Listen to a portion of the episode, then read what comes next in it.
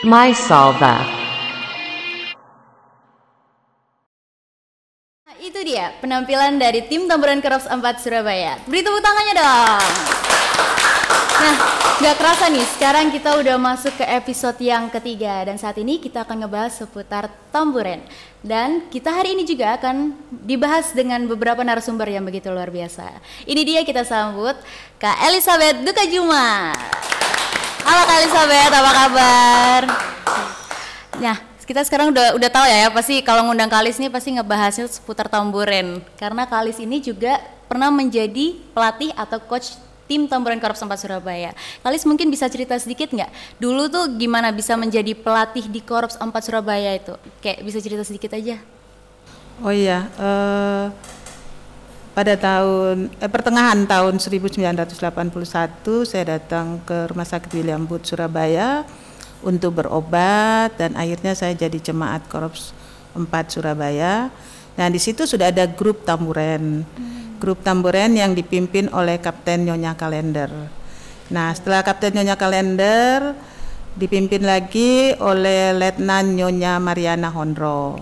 Dan sudah itu pindah diganti lagi dengan Letnan Nyonya Dina Dama. Nah, anggota grup tamburen saat itu yang saya tahu hingga saat ini masih ada di Korps 4 yaitu Mbak Nani Lamanusu, Mbak Kumiase dan saya juga diajak bergabung di grup Tamburan Korps 4 dan sudah itu ada Mbak Nancy Panderot juga. Nah, setelah dengan berjalannya waktu Letnan Nyonya Dina e, Dama pindah, itu sementara e, jeda berhenti ya, tidak ada yang latih saat itu. Dan beberapa waktu kemudian saya Mbak Nani dan Mbak Kumiase e, apa mencari gambar-gambar atau peninggalan gambar-gambar gerakan tamburen peninggalan dari Kapten Nyonya Kalender sehingga kami dapat dan kami mulai melatih lagi tamburen sehingga uh, muncullah kembali tamburen Korps 4 Surabaya. Nah, itu terus berjalan hingga saat ini tamburen Korps 4 masih ada. Oh, Seperti itu ya. Kalis kalau boleh tahu udah berapa lama sih gabung di tim tamburen Korps 4 Surabaya? Saya gabung di tim tamburen tim Tamburan Korps 4 Surabaya lebih kurang sudah 30 tahun. Oh, 30 tahun. Ya. belum lahir. Ya, belum lahir memang.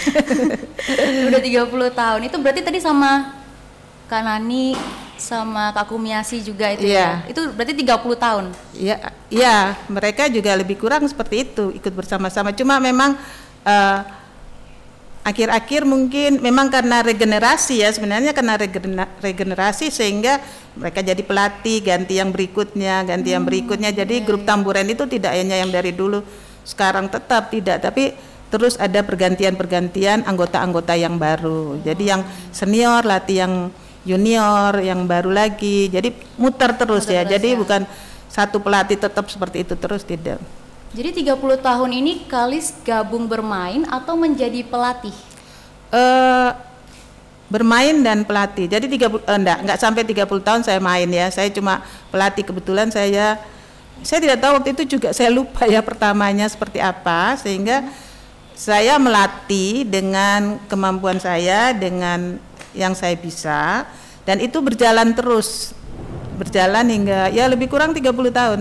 Seperti itu. Tapi memang dibantu dengan teman-teman yang senior. Jadi bukan hanya saya seperti saya tadi uh, mereka juga bantu saya membuat kreasi-kreasi gerakan-gerakan tamburen gitu. Kami bersama-sama. Jadi bukan hanya saya sendiri. Cuma memang saat itu ya mungkin saya seperti koordinator ya seperti itu ya sehingga uh, tamburen itu terus berjalan hingga saat ini. Oke, jadi tiga selama 30 tahun itu tim tamburen udah ke mana aja nih Kalis? mainnya? Oh iya. Kalau di luar gereja ya pastinya ya. Oh, di luar. Uh, kalau di Balak Keselamatan sendiri memang kami sering menghadiri event-event besar Balak Keselamatan ya, acara-acara besar Balak Keselamatan seperti HUT, Tomnas hmm. dan lain sebagainya.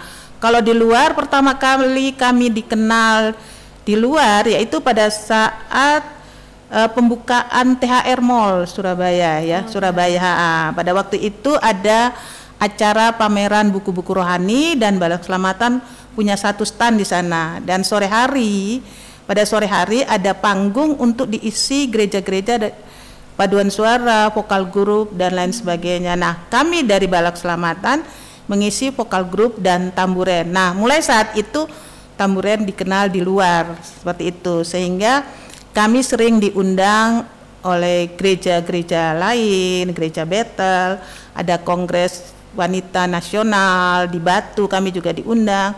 Dan juga kami diundang dalam uh, uh, apa bermain juga di mall-mall yang besar ya di Surabaya seperti uh, Tunjungan Plaza, PTC seperti itu. Dan memang ada beberapa hotel juga pernah mengundang kami, berapa kampus juga luar mengundang kami untuk tampil pada acara-acara khusus mereka seperti itu. Oh wow, udah ke mana-mana berarti ya. Yeah. Lumayan tuh, udah banyak banget tuh. Nah, tapi untuk menjadi atau apa ya, kita sebagai anak-anak muda-mudi nih mau gabung ke tim tamburan itu emang harus ada syarat-syarat tertentu nggak sih, Kalis? Oh, tidak ada, tidak ada syarat. Yang pertama memang keinginan ya. Kalau anak tersebut ingin, pasti mudah dia mengikuti gerakan-gerakan tamburan seperti itu. Memang pada waktu dia masuk, memang kita harus uh, kita akan melatih uh, gerakan-gerakan dasar dulu. Jadi kayak uh, pukulan ketukan 4, 6 gimana. Nah, nanti baru tinggal uh, dia meniru gambar-gambar uh, yang kita gambar untuk mempermudah gerakan-gerakan tamburan itu. Oh berarti dulu, oh ya Kalis dulu tuh waktu Jenny juga main tamburan tuh di, udah diajarin sama Kalis nih, itu ada buku pedoman, panduannya. Iya. Itu emang ada kayak pola-pola terus ada ketukan 4, 6 itu maksudnya ketukan tamburin ya kali Iya, ketukan Mungkin tamburin. dari kita yang nonton ini yang melihat kita juga ini saat ini nggak ngerti ya 4 tuh kayak gimana, 6 kayak gimana. Mungkin kali bisa tunjukin nggak biar kita Oh iya, semua. boleh. Iya, kalau uh, dua gini, kalau empat ya empat oh, ini ya. 6 ya. Jadi 6 juga bisa bunyi seperti ini, ini kita kode 6 juga seperti itu. Hmm. Jadi memang ada pola bentuknya kalau X ya 22 22 X ya.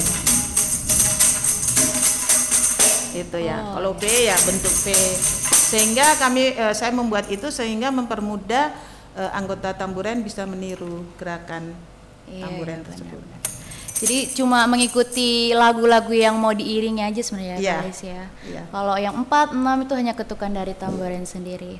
Nah, terus mengenai syarat tadi kan katanya nggak ada ketentuan apa-apa. Iya, enggak. Berarti usia itu juga nggak dibatasi. Enggak dibatasi ya. Oh. Ada yang dari empat tahun, ada yang usia hmm. dewasa. Uh, yang penting dia ingin rindu, ya kita sama-sama berarti gitu, seperti itu. Pokoknya kita tetap belajar dari nol ya, iya. sama-sama yeah. ya. Yeah. Wah, tuh gampang banget kalau mau gabung di tim tamburen sebenarnya. Yang penting ada kemauan.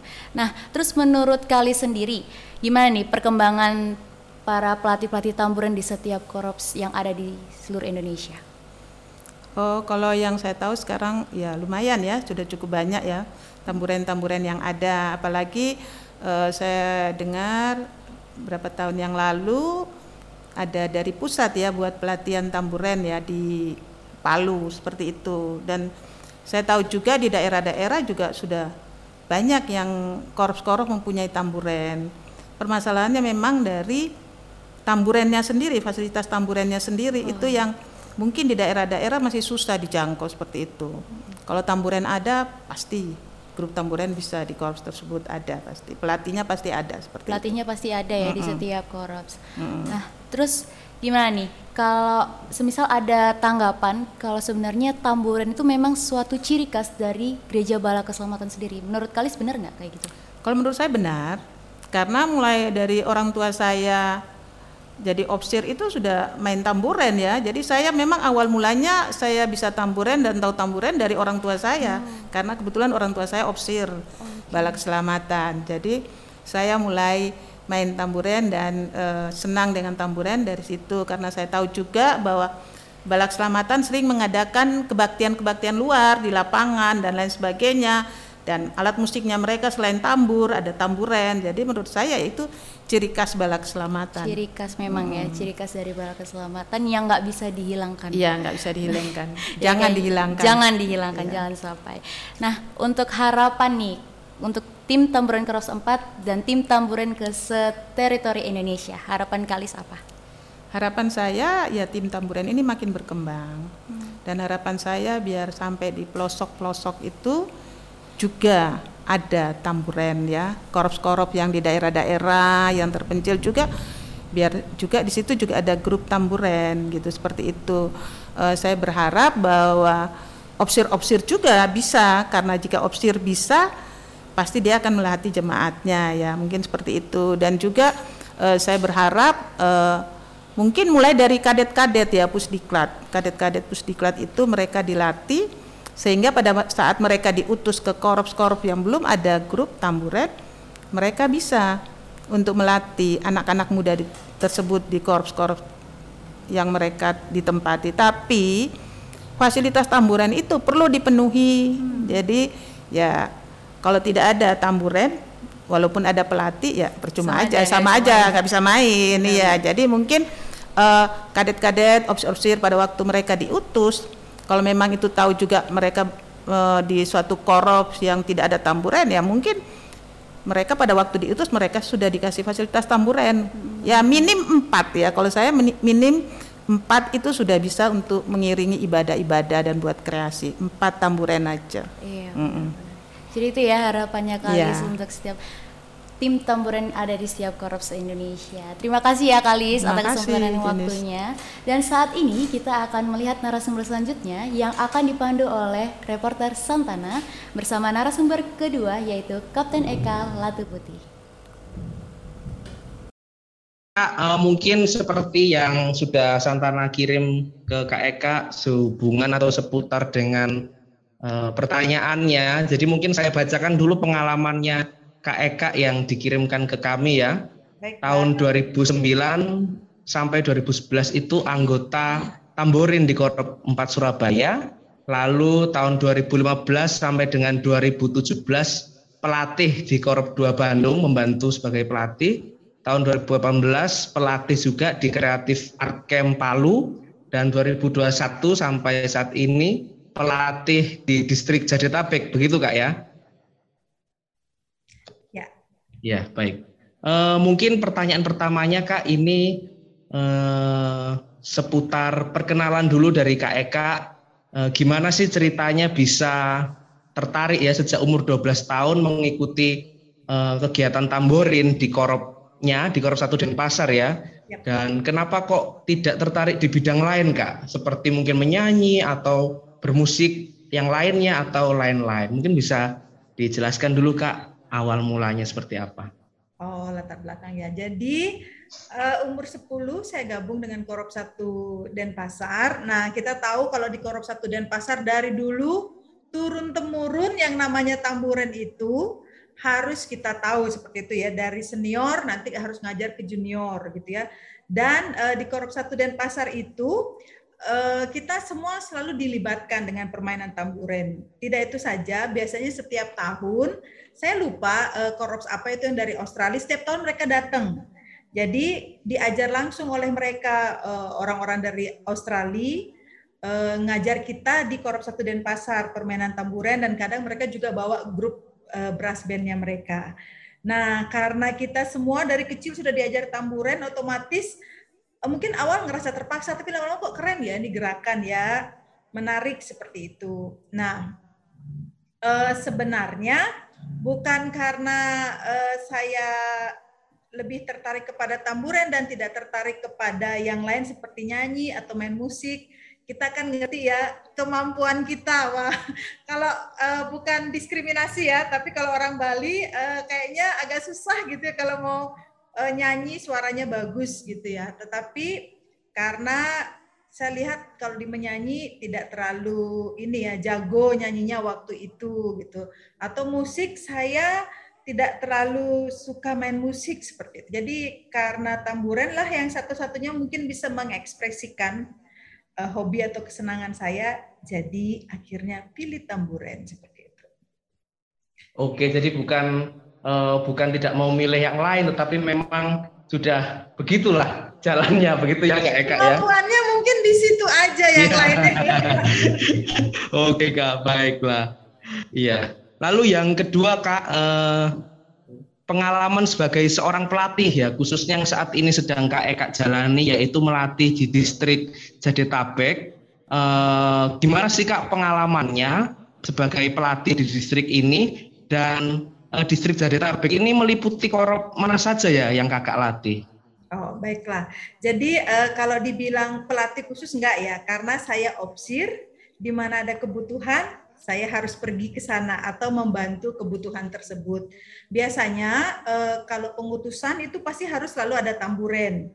Kalau tahun-tahun sebelumnya biasanya yang diminta Surabaya 4 lah dari luar kota, tapi karena pandemi maka kenapa tidak memanfaatkan uh, yang ada setempat gitu distrik Jabodetabek. Jadi uh, sebenarnya uh, seperti itu terjadinya kenapa akhirnya uh, saya diminta untuk melatih di distrik Jabodetabek. Nah, sebelum lanjut, distrik Jabodetabek itu distrik yang luas gitu ya. Jadi ada Korps 1 Jakarta, Korps 2 Jakarta, Korps 3 Jakarta atau Korps Polonia, Korps Jelambar, Korps saya saat ini melayani, ada Korps Taman Kencana, Korps Bekasi, Pos Luar Depok, Pos Luar Tambun, ada juga yang di luar yaitu uh, di luar uh, Pulau Jawa ini yaitu Pos Luar Tam, uh, uh, Korps Palembang dan Korps Kundur, tapi mereka tidak terlibat dalam tamburan ini. Nah, mungkin kita tahu ya kalau di kota besar tantangannya untuk melatih itu adalah bagaimana kita mengumpulkan orang. Apalagi di masa pandemi hampir kita masuk tiga tahun ya, tapi kebutuhan harus terpenuhi, harus ada tamburan saat pemutusan. Uh, ini adalah sesuatu yang luar biasa yang Tuhan kasih. Jadi pertamanya kita pakai Zoom, karena ngumpul kan nggak boleh masa pandemi. Bisa bayangkan kita latihan tamburan pakai Zoom, ngumpul aja susah banget uh, ngelatihnya, apalagi ini pakai Zoom.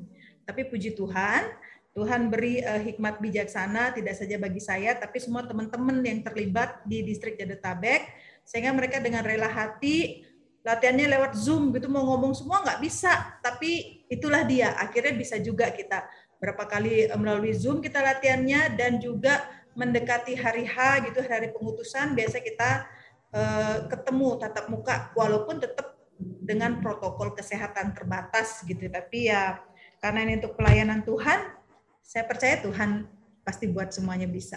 Seperti itu. Kak Eka, terima kasih untuk jawabannya. Jadi memang untuk distrik Jadetabek meliputinya seputaran Jadetabek dan juga di Sumatera Selatan ya berarti ya begitu ya. Untuk korupsi ya, tapi nggak ikut yeah. main tamburan ya. Oh iya, baik. Lalu pertanyaan selanjutnya, eh, bagaimana tanggapan Kapten terhadap pembinaan grup tamborin di masing-masing korup yang ada di teritori Indonesia? Apakah sudah cukup memuaskan? Karena mengingat tamborin adalah salah satu identitas dari gereja kita, dari Bala Keselamatan. Jadi eh, seperti apa menurut Kak Eka tamborin-tamborin yang ada di korup-korup di teritori ini? Apakah sudah cukup memuaskan? Dan mungkin Kak Eka juga bisa menyampaikan pandangan menurut Kak Eka eh, korup-korup yang masih belum memiliki grup tamborin nih Kak. Nah, ini juga kan pasti masih ada beberapa korup pos luar, pos pelayanan yang belum ada kelompok tamborinnya. Silakan Kak.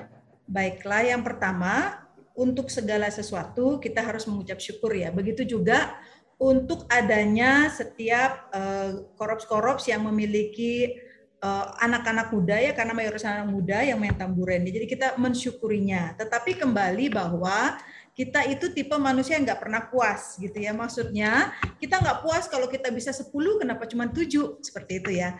Nah sebenarnya kalau melihat di teritori Indonesia yang begitu luas ini ya begitu banyak prajuritnya, begitu kreatif orang-orang mudanya dan bersemangat saya rasa sebenarnya tamburan ini masih bisa harus dikembangkan, gitu ya, harus dikembangkan.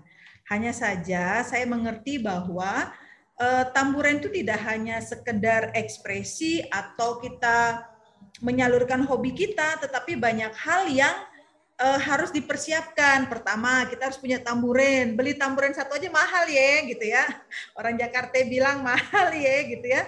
Uh, harga tamburennya mahal. Terus yang kedua, tidak di setiap Korops itu ada yang memang hobi gitu ya seneng kayak di Korops Surabaya 4 kan kaya banget ya dengan orang-orang yang wow kreatif sampai kita berapa kali minta bantuan Surabaya 4 ya tidak semua korop uh, ada seperti itu orang-orang seperti itu yang bersemangat dengan tamburan dan lagi pula tamburan bala keselamatan itu kan butuh apa ya kedisiplinan, kelenturan tangan, apalagi kalau musiknya musik brass band gitu. Kalau tamburan di gereja lain enak gitu banyakkan tariannya. Tapi kalau kita di bala keselamatan kan ketukannya harus sama, tangannya harus lurus. Latihannya tuh bikin tangan pegel, belum pegel tangannya juga luka-luka seperti itu. Uh, tapi saya rasa bahwa ini bisa kok dikembangkan kayak kita nih di Jadetabek.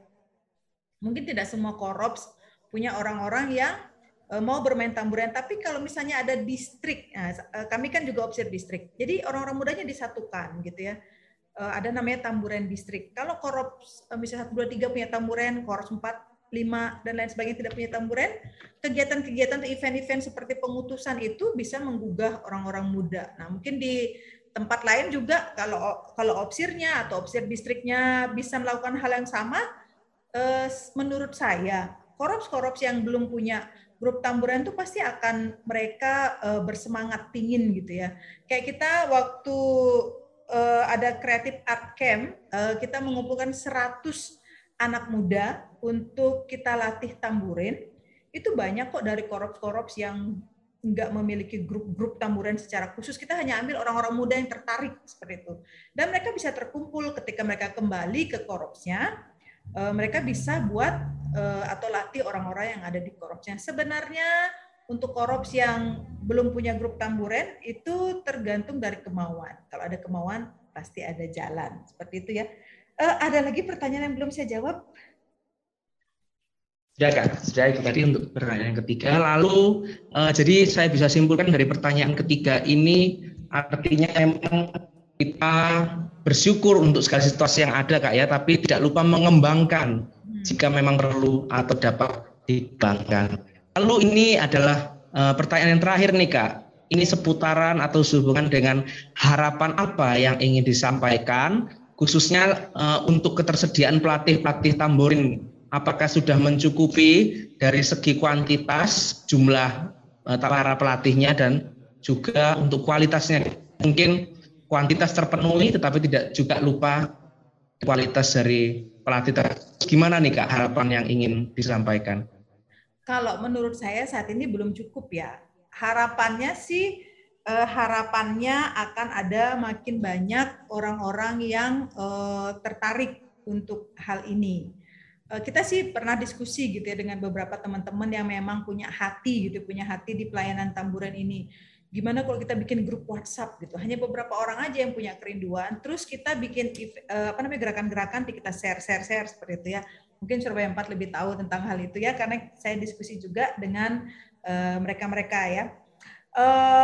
Apa namanya? Harapan saya ke depan kalau kuantitas memang belum mencukupi tapi kalau kualitas wah kita sih kualitasnya sebenarnya udah bagus banget gitu ya sehingga banyak orang atau gereja lain yang mencontoh kita gitu walaupun akhirnya dimodifikasi karena gerakan kita gerakan yang agak sulit untuk ditiru seperti itu.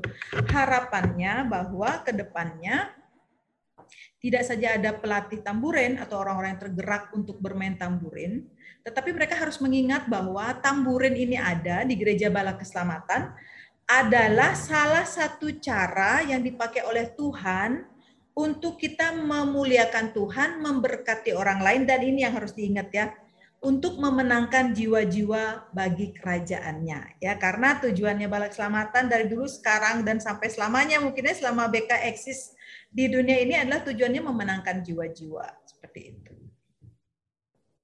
Baik, Kak. Berarti memang e, mungkin secara kuantitas kita masih sementara berjuang untuk dapat ya. Mencukupi semua baik korup, luar dan pos pelayanan dan juga yang terakhir memang kita tetap harus menjaga kualitas yang ada dan motivasi kita memang memenangkan jiwa-jiwa begitu kak ya. ya. Baik, uh, terima kasih buat pertanyaan dari kami dan juga jawaban yang uh, pasti akan menjadi berkat bagi para pendengar nanti yang akan mendengarkannya. Mungkin ada yang ingin disampaikan lagi kak? Uh, sebagai penutup, yeah. jangan uh, secara khusus ya untuk pelatih tamburan atau teman-teman yang saat ini sedang main tamburan, jangan pernah lelah bekerja di ladangnya Tuhan. Selalu uh, berusaha mengembangkan diri, minta hikmat Tuhan supaya Tuhan kasih ide-ide kreatif supaya makin banyak orang-orang yang tertarik dengan permainan tamburen memainkannya sehingga tujuan kita memenangkan jiwa-jiwa itu akan lebih tercapai lagi. Demikian saja. Baik, terima kasih Kak Eka untuk uh, uh, apa ya konklusi ya konklusi begitu yang disampaikan dan semoga jadi berkat buat nanti yang mendengarkan. My Salva. Itu dia kita telah menyaksikan dari Kapten Eka Latuputi dan sekarang kita akan berganti narasumber lagi dengan pelatih yang tadi sudah sempat disinggung nih sebenarnya ya. Pelatih penggantinya uh, Kak Lis uh, Duka Juma yaitu Kak Nela Rasa. Tepuk tangannya dong. Halo Kak Nela. Apa kabar? Aduh coach aduh agak deg-degan. Gimana nih Kak Nela bisa menceritakan sedikit nggak uh, Kanela kenapa bisa menjadi pelatih di Korps 4 Surabaya terus dulunya bergabung di tim Tamburan Korps 4 Surabaya itu gimana ceritanya? Oke, okay. jadi saya perkenalan diri dulu ya kali ya. Boleh. Buat yang mungkin belum tahu. Iya, Halo semuanya, saya Nela Rasa, saya Jemaat Korps 4 Surabaya. Dan awal mula saya masuk di tim Tamburin itu karena saya berjemaat di Korop Sempat Surabaya. Kakak panggil kakak aja ya, ya biasanya kan kita panggil kakak ya. Nela. Kakak jemaatnya di Korop Sempat Surabaya. Terus habis itu kakak lihat nih, wah ada penampilan tamburin gitu. Kemudian diajak sama Kak Lis, sama kakak-kakak yang lain. Nah kemudian bergabunglah di tim tamburin Korop Sempat Surabaya. Nah kebetulan pada waktu itu usianya eh, tahun 93 berarti masih empat tahun ya? Empat tahun jadi? masih empat tahun, masih umur empat tahun. Oh masih umur empat tahun? Uh, Join, iya. jadi tamburin. Uh. Kecil ya? Kecil ya? masih kecil. Mm. Udah disuruh gerak-gerak gini ya? Betul. Oke oke. Okay, okay. Terus uh, waktu untuk menjadi pelatih itu gimana ceritanya? Kalau untuk menjadi pelatih itu karena pada waktu itu diserahkan ke saya dari Kak Elizabeth. Hmm. Dari kakak tuh diserahin kemudian itu tahun 2016. 2016. Pure menjadi pelatih. Oke. Okay. Sebelumnya menjadi pemain dan juga uh, koreografer. Nah, kalau yang 2016 Pure menjadi pelatih dan dan juga koreografer juga, kemudian pemain juga kadang kala. Oh, Oke. Okay. Gitu. Berarti Kanel udah berapa tahun nih jadi pelatih tadi? udah jadi 2016 sampai sekarang udahlah daripada lama ngitung ya. kita kita tujuh kita, kali ya. Tujuh tujuh tahun ya. Tujuh tahun. Itu kalau selama berarti pure pelatih kan? Pure, pure, pure pelatih tujuh tahun. Oh, tujuh tahun. Selama Kak Nela jadi pelatih, udah keluar-keluar juga nggak nih tim-tim tamburannya nih? Di tampil di luar gereja maksudnya? Oh, di luar korup sempat nih? Ah, korup sempat. Kalau di luar korup sempat, puji Tuhannya udah. Jadi udah ke Jakarta 2019. Hmm. Kemudian 2017, 2018, 2019 kayaknya tampil di PTC ya. Di Pakuan Mall itu. Iya, iya, iya. Kalau nggak salah sih. Oke, terus yang menjadi inspirasi Kanela sendiri untuk ah mau join aja nih di tamburen itu apa ya? Tergerak dari hati sendiri kah atau memang disuruh orang tua? Kadang ada juga loh orang tua, yeah. ayo dong kamu aktif nih di pelayanan tamburan karena biasanya kalau anak perempuan kali ya. Kalau uh. tamburan uh, perempuan tuh kayak lebih ke nari-narian gitu. Tamburan kan kayak juga lebih ke apa ya? Tari-tarian juga nggak ya? Gerakan-gerakannya gitu ya. juga ya. Kanela ini inspirasinya tuh memang dari diri sendiri atau gimana? Kalau misalnya pertama kali join dulu hmm. itu diajak gitu ya. Pertama kali join dulu kan masih umur 4 tahun nih hmm. itu diajak. Nah kemudian setelahnya menyukai gitu loh. Setelah setelahnya itu setelah berjalannya waktu jadi menyukai tamburin tersebut. Oh gitu, gitu. wow keren. Apalagi di usia 4 tahun ya kalau Jenny sendiri kalau usia 4 tahun disuruh gerak-gerak kayaknya mager, males. Tapi waktu itu juga minat sendiri sih akhirnya ke bawah ke bawah iya kan? sendiri ya, pengen pengen belajar akhirnya. Sampai sekarang akhirnya jadi tim tamburin juga kan. Betul. Terus dengar-dengar nih, Kanela kan jadi pelatih sempet ikut apa ya di Palu Creative Art Camp? Krea ya oh. itu Creative Art Camp. Oke. Okay. Itu bisa cerita sendiri sedikit nggak gimana di sana itu ngapain hmm. aja? Mungkin okay. juga di sana uh, apa ya? Cuma pelatih-pelatih doang atau mm-hmm. gimana? Oke. Okay. Jadi di Palu pada waktu itu tahun 2018 itu diadakan Creative Art Camp CAC ya. Nah, kemudian di situ berangkatnya dari Surabaya atau divisi eh, distrik maaf, distrik Jawa Timur itu kebetulan kakak sendiri ke sana. Nah, kemudian itu untuk menjadi peserta Oh, gitu untuk menjadi peserta. Ada pelatihnya, ada pelatihnya di sana. Pelatihnya itu dari luar negeri, dari Melbourne, Jazz Venner. Nah, kemudian ketika sampai di sana diberi kepercayaan lah untuk menjadi pelatih di pemula. Gitu. Jadi di sana Kanela ini Pelatih juga, pemain pelatih pelatih untuk pemula dan juga main di yang senior atau advance biasanya kita sebutannya itu. Itu main, maksudnya Main, tampil. atau- tampil. Wow. Tampil, Terus selama tamburin. berapa lama di sana? Camp kreatif camp? 5-6 hari ya kalau nggak salah 5 sampai 6 hari Itu latihan full. full latihan Oh, wow, capek ya pasti. enggak seneng Seneng ya? Iya. Iya sih. Kalau memang niat dari diri sendiri Betul. tuh memang nggak kerasa capeknya. Terus sana kira-kira ada berapa peserta? 100 100 dari seluruh teritori Indonesia gitu nih Wow, keren. Makanya sekarang memang keren sih sem- semakin ke sini nih Iya. gerakan-gerakan tamburan korup sempat. Ya nggak nggak semua korup maksudnya kalau Kak Nela sendiri juga kalau udah ngarang wow keren banget memang. Oh. sampai kita kita juga kemeng sebenarnya. Tapi Curhat kalau ya? curhat curhat curhat sebagai anak-anak tamburannya Kak Nela. Gerakannya adidau.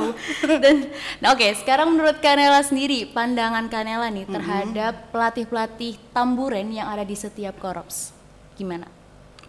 pelatih-pelatih tamburin yang ada di setiap korps untuk sekarang bagus. Jadi semakin ke sini mereka semakin bagus dan juga ciri khas dari bala keselamatan dari tamburin tersebut itu eh, semakin dipertahankan gitu dan beberapa dari mereka juga dari mereka tuh kadang chat chat kakak gitu kakak untuk boleh nggak minta gerakannya boleh kak ini kak boleh nggak eh, bagi gini gini gini gini ya of course dong boleh masa nggak boleh Iya ya, benar. boleh jadi ada di satu Google Drive gitu udah kakak bikinin jadi tinggal di iniin aja tinggal di eh, kirim gitu share link Share link Ya. ya, benar-benar. Oh iya, tadi kan perbedaannya ya, kalau Kak Lis dulu tuh ada buku panduannya. Kalau Kak Nela sekarang tuh lebih apa ya?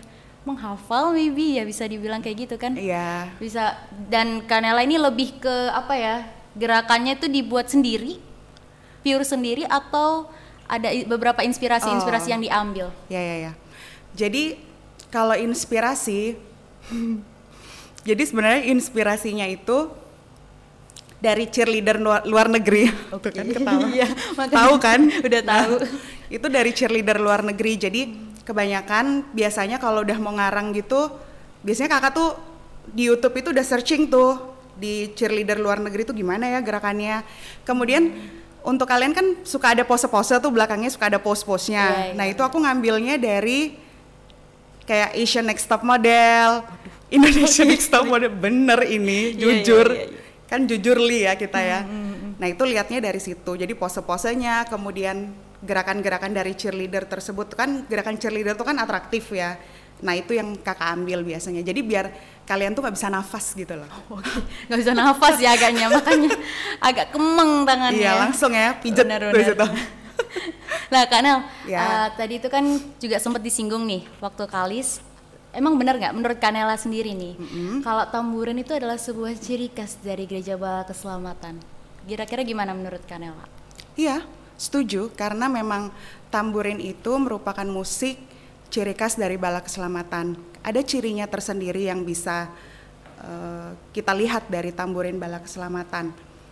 Jadi gerakannya itu biasanya tangannya rapet empat gini tangannya empat kemudian tangannya lurus. Jadi kayak semboyan kita gitu loh gerakannya lurcep lurus dan cepat. Oh lurcep oke lurus dan cepat. Biasanya juga minimal kaki kalau gerakan Oh, yang khas iya, bala keselamatan itu. Oke, jadi eh, kalau menurut Kanela tuh untuk pandangan Kanela menurut pelatih-pelatih yang ada di Korps gimana? pelatih-pelatih yang ada di Korops ya? Hmm. sudah baik ya. Sudah baik mereka sudah uh, beberapa juga sudah bagus untuk kombinasi gerakannya, modifikasi-modifikasi gerakannya. Jadi uh, menurut saya juga sudah baik, tapi mungkin memang perlu ya untuk diadakan kayak pelatihan pelatihan-pelatihan maybe atau workshop tentang tamburin ya kayak CAC lagi gitu. Iya, iya. Itu emang perlu banget sih. Nah itu yang menjadi pertanyaan, apa kita juga sebagai peserta boleh nggak sih ikut kayak gitu-gitu? CAC, CAC Boleh gitu. dong, emang kan itu untuk untuk ini, untuk peserta-peserta. Itu memang ada syarat dan ketentuannya nggak sih Kanel? Ada, ada, oh, ada, ada, ada syaratnya. Biasanya ada kuota sih, kuota-kuota per divisi gitu. Oh aku pengen ikut sebenarnya. Kayaknya seru ya. Seru banget. 100 gitu. 100 gak bayangin main di lapangan sebesar itu terus main wow, keren banget pokoknya. Terus Kanel, menurut Kanela gimana Apa nih tuh? untuk mempertahankan semua tiap-tiap korps pastinya ya, semua tim tamburan yang ada di setiap korps? Untuk mempertahankan tentunya harus ada niat ya. Harus ada niat, kemudian harus ada kalau Kak Alis tadi sebutkan ada fasilitasnya, itu betul harus ada dan juga harus penuh dengan kesadaran bahwa kita harus mempertahankan ciri khas dari gerakan tamburin bala keselamatan yaitu dengan apa? Ya perbanyak dari lihat uh, YouTube mungkin gitu atau lihat dari YouTube dari punya yang luar negeri luar negeri maksudnya dari gerakan-gerakan kayak yang dari uh, Salvation Army yang di luar sana maksudnya itu kan banyak juga yang yang di yang sesuai dengan gerakan-gerakan balak selamatan. Mungkin bisa lihat punyanya London atau Aussie kayaknya ya. Oh iya bisa bisa. Hmm. Jadi inspirasi inspirasinya lihatnya dari sana ya. Mungkin bisa lihat sana. Boleh boleh lihat punyanya Korop Sempat juga boleh. Boleh nanti sangat diizinkan. Oke. Okay. bisa WA di bawah enggak enggak enggak enggak enggak ada nomor WA guys. Oke, okay. harapan Kanela sekarang untuk tim-tim tamburen dan di setiap korps di seteritori Indonesia harapannya besar banget ya. Harapannya supaya terus terlaksana yang namanya permainan tamburin ini. Jadi tiap ibadah mungkin bisa dipakai gerakan-gerakan tamburinnya. Yang gerakan-gerakan yang tadi mungkin sudah dicontohkan oleh Kak Lis itu bisa dipakai atau bisa nanti gerakan yang lain itu bisa banget. Jadi harapannya sangat besar kalau bisa sih tetap mempertahankan ciri khas kita. Mantap, itu dia poinnya. Tetap mempertahankan ciri khas kita. Soalnya kebanyakan kan sekarang udah pakai tari-tarian ya. Ya, ada tarian-tariannya Tarian. sih. Ya, it's okay aja. Yang penting tetap bisa mempertahankan. Mempertahankan tamburan ciri khas korops-korops bala keselamatan. Oke, Ganel, kalau semisal kita diadakan suatu perlombaan atau kompetisi, apakah tujuan dari kompetisi itu sendiri bisa membuat banyak orang tertarik untuk bergabung di tamborin? Oke. Okay. Buat saya, tujuan dari lomba tersebut bisa dikatakan untuk menarik dari uh, para peserta untuk terus mengikuti kegiatan tamburin. Dengan adanya lomba, mereka akan berlomba-lomba juga untuk mungkin meraih juara, entahkah satu, dua, tiga ataupun favorit. Tentunya mereka akan berusaha yang terbaik dalam hal itu. Nah, make sure ketika mereka sudah dapat juara, kembalikanlah ke diri masing-masing. Apakah itu hanya untuk gagah-gagahan semata, ataukah itu untuk hormat dan kemuliaan nama Tuhan? Seperti itu. Terima kasih banyak ya Kanela atas Ya, sama-sama cantik. Waduh, cantik ya tuh. Oke, kalau misalnya nanti diundang boleh lah ya, lagi ya. Boleh lah. Ya bisa bisa selanjutnya nih. Boleh, boleh lah. Oke. Terima kasih ya Kanela. Sama-sama. Selanjutnya kita akan melihat narasumber yang terakhir yaitu dari pelatih salah satu pelatih juga tamburan di Korps 3 Bandung, Kapten Febe Amin. Baik, uh, mungkin yang bisa saya awali dulu ini pengalaman yang sudah atau sepak terjang yang sudah Kak Ebe sampaikan ke saya melalui WA tempo hari. Yang ya. pertama adalah 2001 sampai dengan 2009 pelatih di Korop 3 Bandung begitu ya. Lalu tahun 2013 sampai dengan 2016 pelatih di Korop Salua sekaligus menjadi PPWK ya Kak ya di situ ya. Dan yang baru-baru ini 2018 sebagai pendamping di Kreatif Art Camp Palu. Ya. nah, eh, di sini melihat dari pengalaman yang Kapten sampaikan ke kami kepada saya melalui saya, nampaknya pengalaman kakak ini kok anu ya kak ya seperti ada uh, melompat begitu dari 2009 hingga 2013 ini tidak ada posisi aktif di tamborin pelayanan tamborin begitu ya bahkan kemungkinan uh, sebagai tugas opsir mungkin tidak terlibat secara aktif atau intens di tamborin begitu kak iya. tapi juga ada yang unik di uh, pelayanan kakak ini yaitu pernah melayani di salah satu korup yang sangat beda tentunya seperti di kota yaitu di Korop Salua begitu ya. Iya. Sehingga mungkin yang akan kami interview adalah uh, masalah konsistensi dan pengalaman latih di grup tamborin yang ada di daerah atau Korop Salua tersebut. Uh, mungkin sekarang kita akan lebih ke perkenalan diri dulu Kak dan uh, kita ingin tahu terakhir atau saat ini sebagai pelatih tamborin seandainya berhenti bermain atau berhenti melatih tamborin, apakah tidak mempengaruhi terhadap kemampuan tamborin yang sudah dimiliki? Jadi artinya mungkin eh, pengalaman Kak Eto begitu ya, yang sebagai pelatih pertama kali begitu, gimana nih Kak pengalaman pertama kalinya? Iya, uh, perkenalan dulu ya. Uh, saya saya sih sebenarnya nyemplung di pelayanan tamburin itu karena melihat senior-senior ya. Ada salah satunya itu Ibu Mayor Trinova. Ah, itu salah satu senior saya di Korops 3. Lalu ada Mayor Luciles Basa, itu juga senior saya di Korops 3. Nah, setelah uh, apa ya, uh, generasi demi generasi berganti, maka saat itu saya di sesi uh, tengah, generasi tengah, yang kemudian mulai uh, memperhatikan, meluangkan waktu, dan bahkan tertarik untuk terjun di pelayanan tamburin. Nah itu sebabnya dari tahun 2021 sampai 2029, eh 2000, 2009, kelebihan dua. di 2009 dan uh, di rentan waktu itu tuh memang kami merintis kembali pasca ditinggal oleh senior-senior kami yang kemudian menjadi opsir. Nah, jadi uh, mulailah ikut uh, musik camp di situ mulai dibekali lagi ada dua kali musik camp yang kami ikuti ada bahkan ada pertandingan-pertandingan tamborin di uh, teritori dan uh, kami mencoba terus untuk berpartisipasi. Nah tadi Santana menyebutkan ada gap waktu antara 2009 sampai ke 2013. Nah 2009 sampai 2013 itu gap di mana saya uh, dipanggil Tuhan untuk melayani sebagai opsir. Nah, prosesnya tuh segitu tahun. Jadi sebenarnya di situ adalah saya mulai di Koros 4 Surabaya terlibat tetapi tidak secara utuh ya, bukan sebagai benar-benar pelatih, tidak juga benar-benar sebagai anggota, tetapi ya tahu aja ya kalau kandidat kan harus selalu siap sedia haleluya gitu. Tiba-tiba dipanggil jadi tim singer ya maju jadi tim singer, jadi jadi tim tamburin ya puji Tuhan ada basicnya ya maju juga jadi tim tamburin gitu ya. Uh, disuruh mimpin ya puji Tuhan gitu ya. Nah, uh, di, di rentan waktu itu ada ada kesempatan untuk pelayanan di Korosmat Surabaya.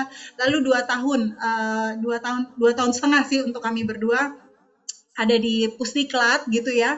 Karena di Pusdiklat juga ya waktu itu memang harus masih harus ada penampilan tamburin ya. Dan saya nggak bisa menyebutkan diri saya uh, pelatih di sana karena kita umbyukan gitu ya. Jadi rame-rame yuk bikin gerakan nih gini gini gini gini gitu. Jadi memang kami ak aktif masih melakukan hanya posisinya saya masih dalam keadaan uh, mengikuti proses jadi bersama-sama.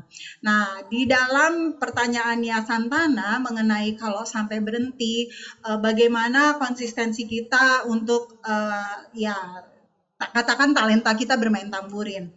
Uh, kalau orang udah sekali bisa main musik pada dasarnya nggak akan bisa tiba-tiba blank dan lupa gitu ya jadi uh, semua yang kita miliki talenta satu yang Tuhan sudah kasih itu pasti tetap akan tinggal satu, nggak mungkin jadi nol.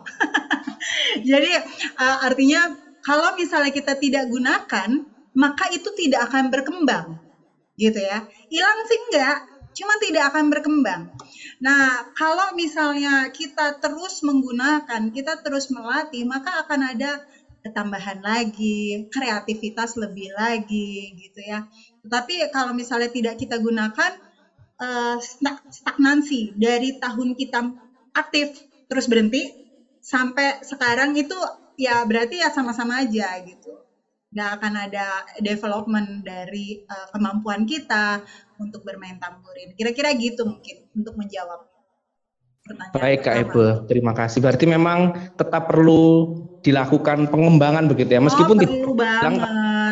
Penting untuk melakukan uh, pengembangan terhadap talenta itu sendiri. Penting. Nah sekarang Kak, pertanyaan yang kedua, uh, pengalaman sebagai pelatih di Korop Salua, waduh, apa pelatihnya Fitri?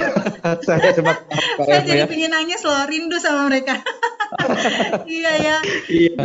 Jadi uh, pengalaman sebagai pelatih di Korop Salua, yaitu dari tahun 2013 hingga 2016. Seperti apa pengalamannya dan tentunya ada perbedaan dengan melatih di mungkin wilayah yang bukan yang perkotaan begitu ya. Mungkin juga di Surabaya 4 pengalaman KEB dengan waktu di Salua tentunya berbeda. Nah mungkin bisa disampaikan pengalaman melatih di Salua dan perbedaannya dengan berkegiatan tamborin yang di perkotaan.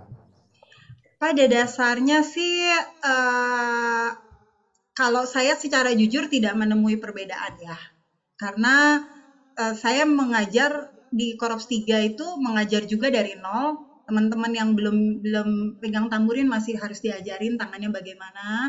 Terus udah gitu empat itu yang kayak gimana enam itu yang kayak gimana. Secara teori kita mesti ajarin mereka baca gambar. Terus cara ngegambar gerakan itu kita ngajarin dari nol uh, sama aja seperti waktu ngajarin di uh, Salua gitu. Konteks pembelajaran geog uh, secara geografis itu buat saya sih sebenarnya nggak terlalu berbeda karena titik mulainya sama gitu. Titik mulainya sama-sama dari nol. Uh, cuman bedanya uh, di Bandung itu ada wadahnya yang jelas dan kita rutin bikin. Lalu di uh, Surabaya udah jelas. Saya mah follower banget deh untuk Korospat Surabaya tamburennya. Uh, keren banget gitu.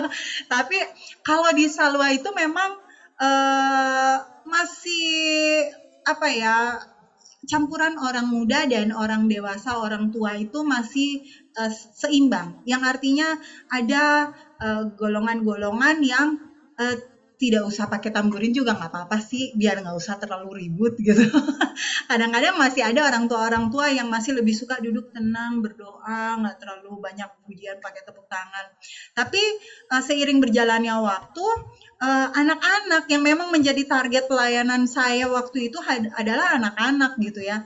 Anak-anak mulai dari usia 5 sampai 13 tahun. Jadi itu mereka itu excitednya luar biasa. Jadi mereka punya semangat sebelum waktunya mereka setengah jam udah ngumpul di korops gitu. Udah langsung kayak cerak cerak cerak cerak walaupun uh, bunyinya semuanya semrawut gitu ya.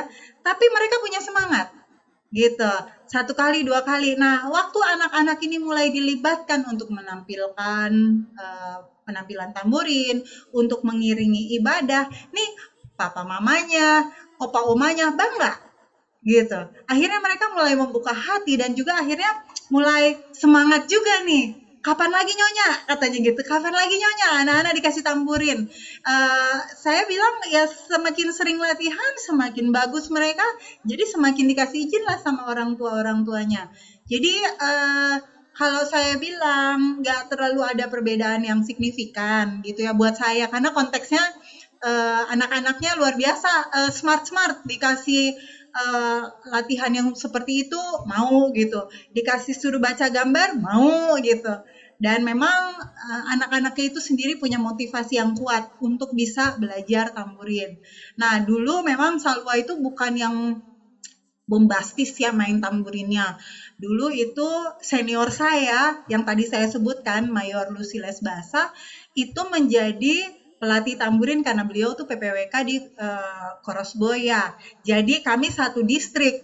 Jadi uh, seakan-akan ya memang uh, senior dan junior melatih ya memang bagaimana ya sama-sama akhirnya membangun suatu komunitas yang uh, yang kompak gitu loh. Jadi yang Salwa selalu kiblatnya ke Boya, yang Boya juga memberi kesempatan kepada Salwa sehingga ada ada saatnya di mana Boya yang tampil, ada saatnya yang dikasih aja deh Salwa aja yang tampil sehingga mereka terlatih untuk nggak demam panggung, kekompakannya melalui eh, penampilan-penampilannya juga uh, mereka bisa latih kayak gitu. Jadi semangat sih uh, luar biasa anak-anak di daerah juga sebenarnya motivasinya jauh lebih kuat sebenarnya dibanding yang di desa.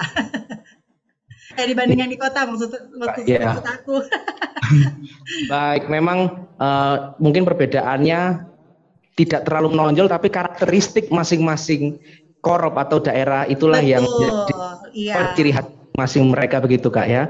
Iya. Nah, jadi uh, memang ya mungkin menurut Kak Ebo sama saja, cuman memang ada karakteristik itu tadi yang saya katakan. Nah ini kita akan masuk kepada harapan. Nah harapan apa yang diinginkan khususnya korup-korup yang ada di daerah-daerah nih Kak yang belum memiliki grup tamborin. Mengingat ah. Bahwa Ya, mengingat bahwa pertunjukan tamborin itu adalah salah satu identitas dari gereja kita, dari para keselamatan. Mungkin Kak Ibu bisa menyampaikan harapan untuk korup-korup di daerah-daerah sana yang belum memiliki pelayanan atau grup tamborin. Silakan. Iya, uh, aduh, ini merupakan satu harapan semua opsir kayaknya ya bahwa pelayanan di korops mereka masing-masing di di gereja-gereja bala keselamatan itu maju. Dan bisa saya katakan musik itu kan bahasa internasional ya. Jadi melalui musik kita bisa terhubung walaupun kita tidak mengerti bahasanya. Nah, tamborin itu adalah salah satu alat musik yang paling tua.